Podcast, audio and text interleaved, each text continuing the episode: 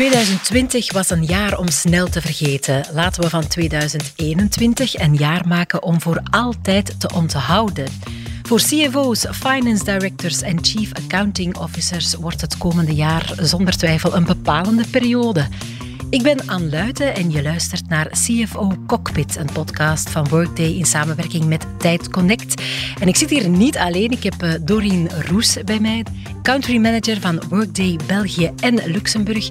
En ik heb mij laten vertellen, Doreen, dat jij als geen ander weet dat financieel verantwoordelijken mee in de cockpit van bedrijven zitten richting de toekomst. Klopt helemaal. En je weet ook hoe deze finance experts het best turbulente periodes, zoals deze coronacrisis, kunnen doorstaan. Zet je klaar voor advies van een experte? Welkom bij CFO Cockpit.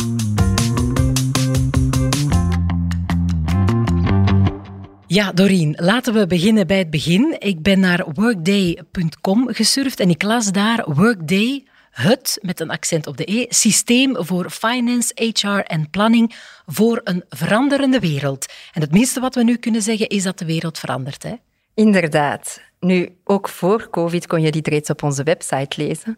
Want ook voordien zagen we reeds dat organisaties zich veel sneller moeten gaan aanpassen aan een sterk veranderende wereld.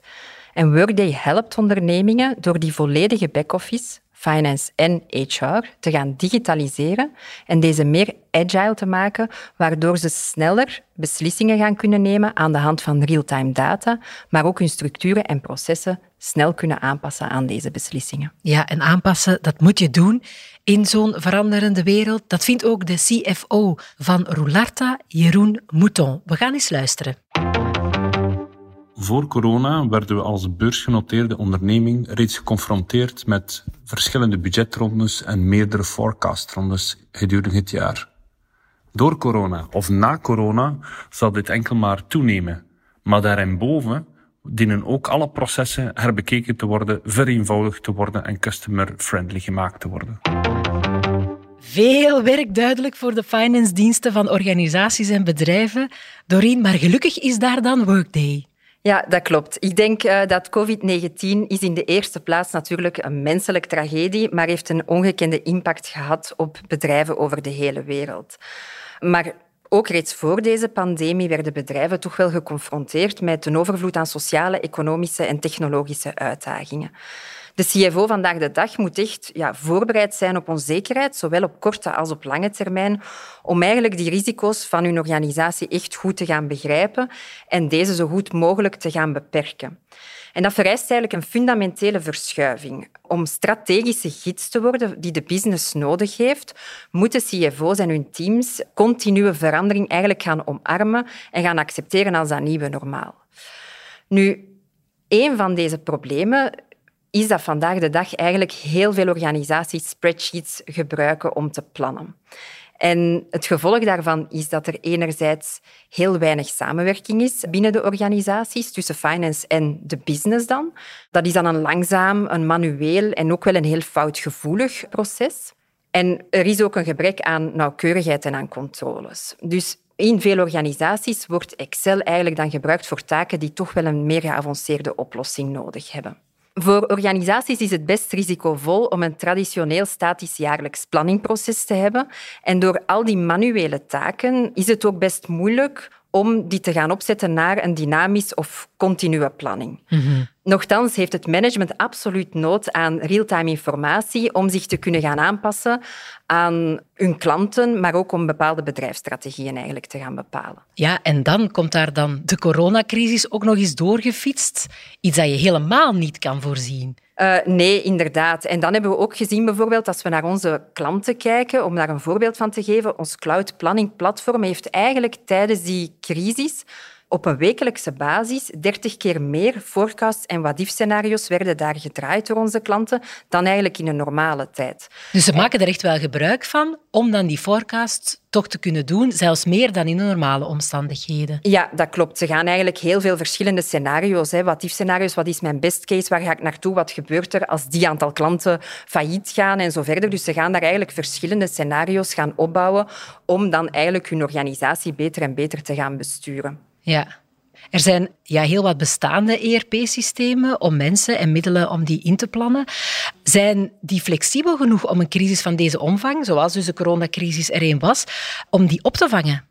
De tijd dat een financieel departement enkel aan boekhouding deed, is eigenlijk al lang voorbij vandaag de dag. Ik denk financiële departementen die moeten cash beheren, die moeten projecten beheren, die moeten assets beheren, een consolidatieproces uitvoeren, een planningproces uitvoeren.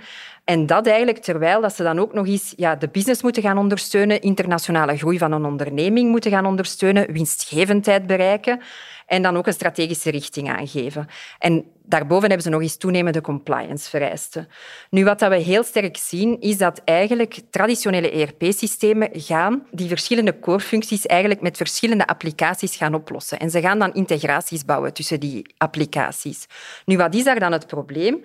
Managers, die kunnen dan eigenlijk geen real-time informatie hebben. Want je gaat altijd, vanaf dat je op een hoger niveau zit, je wilt gaan drillen, moet je weer naar een ander systeem en drillen. zo verder. Je moet gaan naar beneden vanuit een hoger niveau. Vanuit een hoger niveau ga je inderdaad naar ja, de meer operationele gegevens moeten gaan om ja, bepaalde verklaringen te leggen waarom dat er cijfers op een bepaalde manier. Ja, en dat is moeilijk in een klassiek ERP-systeem. Dat is moeilijk als je echt met verschillende applicaties werkt die dat met elkaar geïntegreerd worden natuurlijk, want dan kan je dat niet van het een systeem naar het ander. Hm. En dat is toch wel waar finance zeer veel mee geconfronteerd wordt.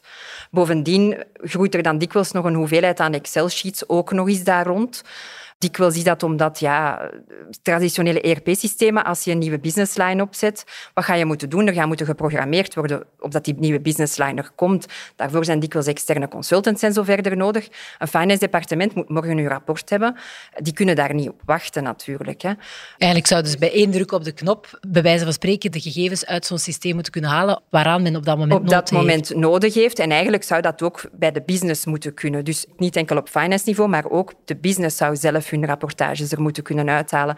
Maar ook als er wijzigingen zijn, een nieuwe businessline, ja, finance moet dat eigenlijk kunnen gaan configureren binnen een systeem, zodat ze niet moeten wachten dat er een IT'er of, of een externe consultant eigenlijk bij hun terecht komt om die dingen te gaan opvangen. Ja, time is money, zeggen ze. Time is money. En dan zien we ook dat die heel veel Excels dan ineens terechtkomen. En, en ja, dan wordt er... Dat is een wild, Versies, een en dat is dan de, de meest recente. Ja. we kennen het allemaal. Ja, inderdaad. Niet goed. Nee.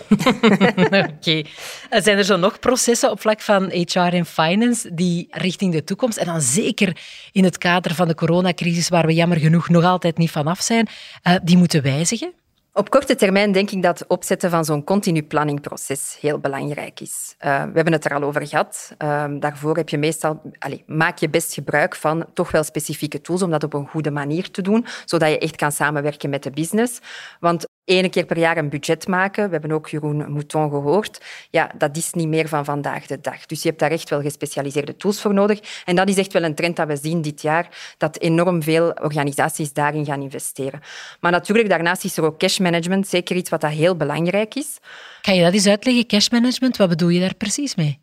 Ja, cash management, je gaat natuurlijk moeten zien dat je tijdig je cash int. Ik denk vandaag de dag is er niks minder belangrijk dan wat bedrijven verkocht hebben, dat ze daar ook hun geld voor kunnen krijgen. En vandaar dat het toch heel belangrijk is om goed in kaart te brengen, alle risico's in kaart te brengen, van bij welke klanten heb ik risico's dat ze mij niet gaan betalen, maar dan ook gesprekken hebben eventueel met klanten. Het is in je eigen belang als organisatie dat je klanten uiteindelijk overleven ook. En hoe kan jij ze daar ook bij helpen? Mhm. Wat dat heel belangrijk is bij cash management, is eigenlijk om de risico's echt goed te gaan inschatten. En wordt dat nu met corona, neem ik aan, nog belangrijker? Hè? Dat wordt nog belangrijker, ja, zeker. Dus dat is echt een tendens voor ja, dit jaar, sinds dat corona ook bezig is, ja. is dat toch wel een van de topprioriteiten bij bedrijven ook, natuurlijk. Je hoort dat wel eens eh, van andere sectoren ook, dat de coronacrisis er eigenlijk voor gezorgd heeft dat bepaalde tendensen die er sowieso wel zouden aangekomen zijn, nu allemaal versneld worden. Merk je dat ook in het finance gegeven? Ja, zeker. Ik denk, goh,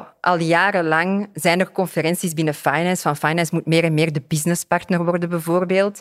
Dat is er bij bepaalde organisaties. Natuurlijk was dat al reeds geïmplementeerd, maar we hebben toch wel gezien dat dat door corona echt heel sterk versneld is eigenlijk. Wat corona betreft dan voor jezelf, heeft dat ook een impact gehad op jou, op jullie manier van werken bij Workday zelf? Ja, Van dag één zijn we allemaal thuis gaan werken. Dus dat heeft een impact op iedereen persoonlijk. Ik denk op mezelf ook. Ik zit al sinds maart eigenlijk dag in dag uit van thuis uit te werken. Mijn man trouwens ook. Heeft ook zijn voordeel. Ik probeer dat altijd positief te bekijken. Ik heb nog nooit zoveel s'avonds met mijn kinderen aan tafel gezeten, bijvoorbeeld. En voor het bedrijf? Worday heeft het heel goed gedaan tijdens deze crisis. Natuurlijk, er is een tendens om meer en meer te gaan digitaliseren. Daar bieden jullie dan een oplossing voor? Daar natuurlijk. bieden wij natuurlijk een oplossing voor. Dus op dat gebied doet Worday het heel goed. Natuurlijk, als bedrijf zelf, wij hebben van de ene dag op de andere ook onze 12.400 werknemers, iedereen thuisgezet. Natuurlijk, wij hadden al wel heel veel digitale tools. Het is een heel internationale omgeving, dus Zoom, wat we vandaag de dag niets anders doen, ja, dat gebruikten wij al dagelijks. Dus eigenlijk bedrijven die dat al geïmplementeerd hadden, die hadden al een streepje voor misschien. Want het brengt wel uitdagingen met zich mee, telewerken. Het brengt zeker uitdagingen met zich mee. En het is vooral ook, ja, hoe ga je je teams aansturen? Ik denk dat dat heel belangrijk is. Ja, je zit niet meer fysiek samen met je teams en je moet alles virtueel doen. Er is ook wel een bepaalde virtuele moeheid. Maar technologisch ja, hadden wij echt wel alle tools om eigenlijk van de ene dag op de andere allemaal thuis te gaan werken. Maar het vergt een bepaalde creativiteit. Ja, je moet anders met je klanten omgaan. Je moet anders je projecten gaan implementeren. Dus dat vergt wel een bepaalde creativiteit van teams dat je gaat samenzetten om daar ook over na te denken van oké, hoe gaan we die zaken allemaal aanpakken? Ja, we kennen allemaal de uitdaging corona natuurlijk, maar zijn er behalve corona voor 2021 dan specifiek nog uitdagingen voor de finance expert? Goh, ik denk in 2021 zijn er een aantal trends of challenges die we zien en dat heeft toch ook wel een stuk te maken ook nog met dat telewerk. Met corona. Met corona en telewerk, ja. ja, inderdaad. Finance was eigenlijk een job dat toch wel veel leren van op kantoor werd gedaan in het verleden. En die zijn op korte termijn hebben die natuurlijk ja, dat helemaal moeten omtunen. En ze hebben daarvoor wel een aantal tools dat ze ter beschikking hadden geïmplementeerd. Maar er is toch wel een tendens dat dat dit jaar nog heel wat gaat versterkt worden eigenlijk. Dus dat er toch nog wel heel wat investeringen in IT zullen gebeuren op dat virtuele werk. Mhm. Anderzijds, een grote challenge dat er ook nog is, want we spreken veel over tools, maar dat is één ding. Maar er is ook, ja, wat is nu de support en de training van de mensen? Ja, je hebt aan de ene kant de middelen, maar je hebt ook de mensen nodig natuurlijk om de, de, middelen mensen, te bedienen. Die mensen die moeten ook getraind worden om dat op een bepaalde manier te kunnen doen. En hoe ga je die support geven? Want dat zijn ook andere challenges dan als iemand op kantoor zit. Die heeft een probleem met zijn software of whatever. Ja, die kan Dan bellen we naar naar een helpdesk. Voilà, Ja. en die komen ter plaatse en die helpen jou. Ja. Ja, als je thuis zit, Moet je het zelf moet doen. Moet je het zelf doen en moet dat ook allemaal worden georganiseerd natuurlijk. En ook van, je hebt verschillende type personen binnen een organisatie. Niet iedereen is even gedreven met technologie. Hoe ga je die mensen daarin upskillen? Hoe ga je die daarin in trainen eigenlijk, zodat zij ook wel mee op die boot kunnen stappen? Dat is ook een belangrijk verhaal natuurlijk. Ja. Tot slot nog eh, misschien een paar quick wins voor onze luisteraars. Dingen die ze bij wijze van spreken morgen al zouden kunnen implementeren. Ehm, ja, ik denk, we hebben het gehad over de cash collection. Ik denk dat dat zeker een heel belangrijke tendens is voor 2021. Opstellen van stresstestscenario's eigenlijk, om echt uw onzekerheid te counteren. Dat heeft dan ook weer met uw planningproces te maken. Uitgavenbeheer herbekijken is ook een hele belangrijke. Oké, welke projecten zijn echt prioritair? Welke kan ik eventueel uitstellen? En dan heel belangrijk in een budgetproces, hou voldoende reserves opzij om eigenlijk ja, toch aan onverwachte zaken te kunnen voldoen, zodat je niet strikt met je budgetten zit, maar dat je daar bepaalde flexibiliteit in bouwt. En op finance toch ook wel heel belangrijk naar de teams toe is om ze duidelijke prioriteiten eigenlijk te gaan meegeven, zodat ze niet overladen worden met werk, wat tot burn-outs kan leiden. Dat is ook wel best een belangrijk. Ik denk dat finance is nu zodanig in de business betrokken tijdens die crisis, dat ze heel veel moeten gaan rapporteren. En dat is een zeer hoge workload eigenlijk dat ze daarin krijgen. En dat is toch ook belangrijk dat de CFO daar duidelijke prioriteiten stelt naar zijn team toe. Ja. Misschien nog een laatste punt. Ja, herbekijk dat besluitvormingsproces van uw organisatie. Kunnen er zaken versneld worden? Kunnen we dingen vereenvoudigen, zodat dit niet te complex is?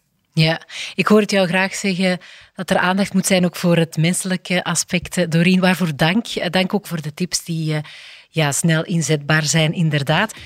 Dit was de eerste aflevering van CFO Cockpit, een podcast van Workday in samenwerking met Tijd Connect.